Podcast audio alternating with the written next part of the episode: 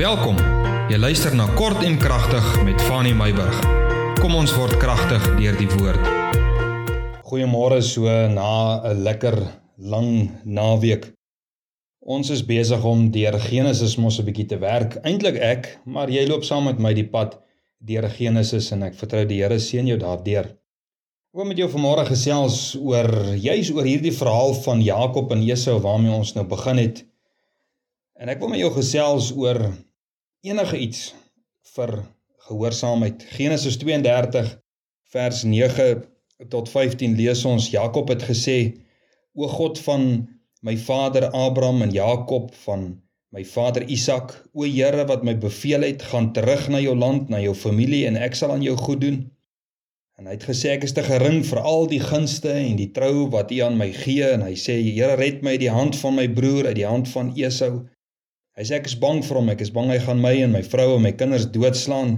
En hy herinner die Here in vers 12 van die belofte wat die Here aan hom gedoen het en daar het hy die nag oorgebly en van wat in sy besit was het hy 'n geskenk geneem vir sy broer Esau. Nou wil ek hê jy moet kyk wat is die geskenk wat hy vir sy broer Esau bymekaar gemaak het. Onthou Jakob soek vergifnis van sy broer.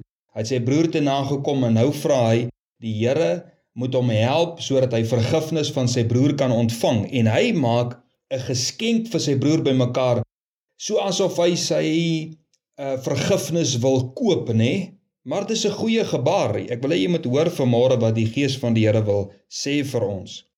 Vers 14 en hy het vir sy broer 'n geskenk bymekaar gemaak. Wat is die geskenk? 200 bokoeie en 20 bokke, 200 skaapooie en 20 ramme, 30 kameelkoeie wat in die melk was met hulle kalfies, 40 koeie en 10 bulle, 20 eselinne en 10 jong esels en hy het hulle aan sy dienaar afgegee, elke trop afsonderlik en aan sy dienaars gesê: "Trek voor my uit en laat 'n plek oop tussen trop en trop."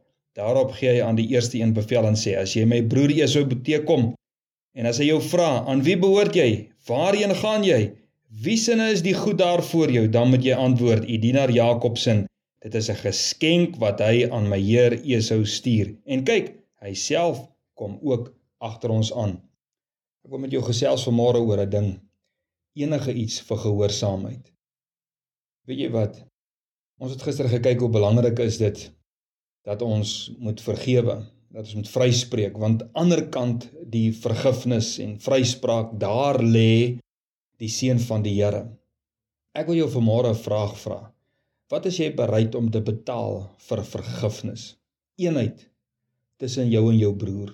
Jy weet Jakob, ek kan nie eers die somme gaan maak. 'n Mens kan die somme gaan maak van in geldwaarde.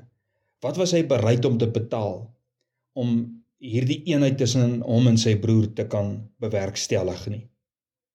As jy vat 200 bokoeie met 20 ramme, 200 skaapoeie, 20 ramme, 30 kameelkoeie met hulle kalfies, 40 koeie, 10 bulle, 20 eselinne, 10 jong esels. Dink vir 'n oomblik. Wat is die prys wat jy daaraan kan koppel? Wat was Jakob bereid om te betaal net om vergifnis van sy broer te ontvang? Dink vir 'n oomblik daaraan. En nou my vraag is, wat is jy bereid om te betaal vir vergifnis tussen jou en jou broer, tussen jou en jou suster, tussen jou en jou ouers, tussen jou en jou werkgewer, jou werknemer? Jy het iemand te nagekom. Jy is die skuldige een. Wat is jy bereid om te betaal om dinge reg te maak? Om die issue op te los tussen jou en die een wat jy te nagekom het. Wat is jy bereid om te betaal? Ek weet Jy hoef niks te doen behalwe om te erken en vergifnis van God te vra nie. Ek weet die Bybel sê bely net teenoor die Here en die Here sal jou vergewe, maar hier op aarde tussen jou en die een wat jy te nagekom het, wat is jy bereid om te betaal vir jou vergifnis? Of gaan jy net eenvoudig die maklikste roete kies? WhatsApp. Dis mos nou die maklikste deesdae. As jy iets wil hê, iets wil weet, iets wil doen, as jy droog gemaak het, miskien vat die uh, boodskap en tik daarso en dan sit jy agterna 'n smiley face of 'n oog met 'n traantjie op al daai nonsies.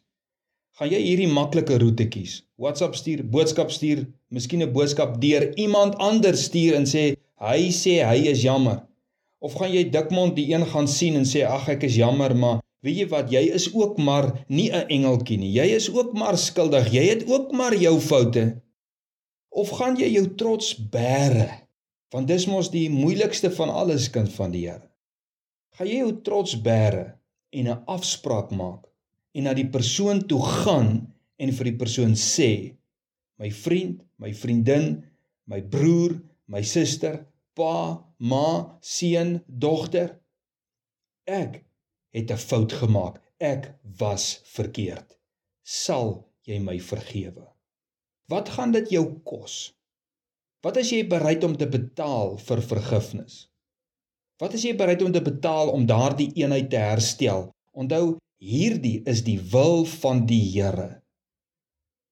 Gaan dit jou dalk iets kos? Wat gaan dit jou kos? Gaan dit dalk kos om petrol in jou kar te gooi en om te ry? Om een dag of twee dae van jou vakansie op te offer en te sê, weet jy wat?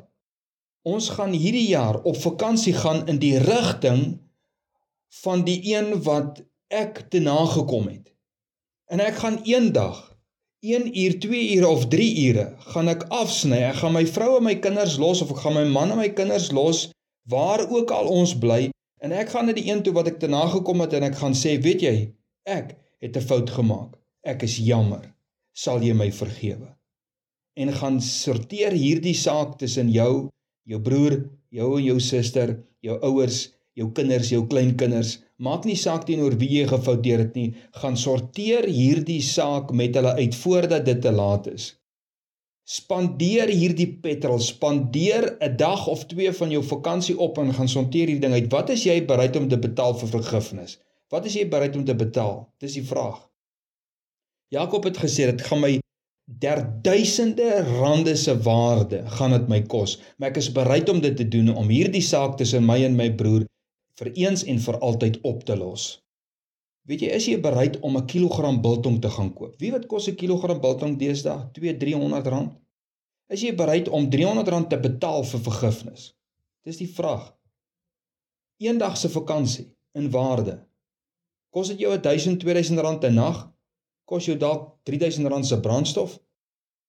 Met ander woorde, 4000 rand, dit jou 4000 rand gekos vir vergifnis? Is dit te veel? Wat is jy bereid om te betaal vir vergifnis om die wil van die Here te doen?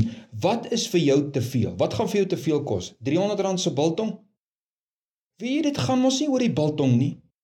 Dit gaan nie oor die petrol wat jy uitry nie. Dit gaan nie oor die slaapplek wat jy die nag moet betaal om te gaan uitsorteer die saak tussen jou en jou broer nie. 'n Bos blomme, R150 se blomme of R200 se blomme. Dit gaan nie daaroor nie. Dit gaan oor my broer, Hierdie is 'n bewys om te sê ek is jammer. Is net om te sê ek besef ek het 'n fout gemaak. Wat is jy bereid om te betaal vir vergifnis? Dis die vraag. En natuurlik kom jy mos met 'n nederige gesindheid sonder om jouself beter te laat lyk en te sê ek is jammer, vergewe my. Jy kom met 'n nederige gesindheid. Jy is die skuldige party. Dink mooi. Jy weet Jakob se eerste stap na sy broer wat hy te na gekom het was gebed. Hy het met God oor hierdie saak gepraat. Jakob het nie geweet hoe sy broer sou optree wanneer hy by hom uitkom nie, maar hy het na God toe gegaan. God het hom vrymoedigheid gegee om die saak aan te pak. Tweedens het hy die offer tot vergifnis saamgebring en derdens het hy werklik berou getoon en sy broer om vergifnis gevra met trane. Wat is jy bereid om te offer vir vergifnis? Wat wat is vir jou, wat is vir jou te veel? As jy dit in randwaarde sou omsit. Wat is vir jou te veel? Dink 'n bietjie mooi. Met ander woorde, wat jy sê is dit gaan vir my te veel kos om die wil van die Here te doen. Kind van die Here, luister na jouself. Vergifnis is nie goedkoop nie en is 'n saak van opregtheid. Moenie nou dink hoe die een wat jy te nagekom het gaan reageer nie. Doen soos Jakob gedoen het. Kry jou strategie, kry jou offer gereed. Nommer 1 bid oor die saak vir genade en gaan bely en gaan toon berou teenoor die een wat jy te nagekom het. Dis nie die uitkoms wat belangrik is nie kind van die Here, maar dat jy jou geestelike plig nakom in nederigheid en in opregtheid teenoor die een wat jy te nagekom het. Want onthou, die seun van die Here staan agter die toedeur van jou belydenis. Hoe ernstig is die saak rondom vergifnis en vryspraak vir jou? Dis dis dis die vraag. Is jy bereid om enige iets te doen solank jy 'n saak tussen jou en jou broer of suster of familielid of werkgewer of werknemer kan uitsorteer? Dink daaroor. Dis die wil van die Here. Seën en vrede. Ons gesels môre verder oor waarheid uit God se woord.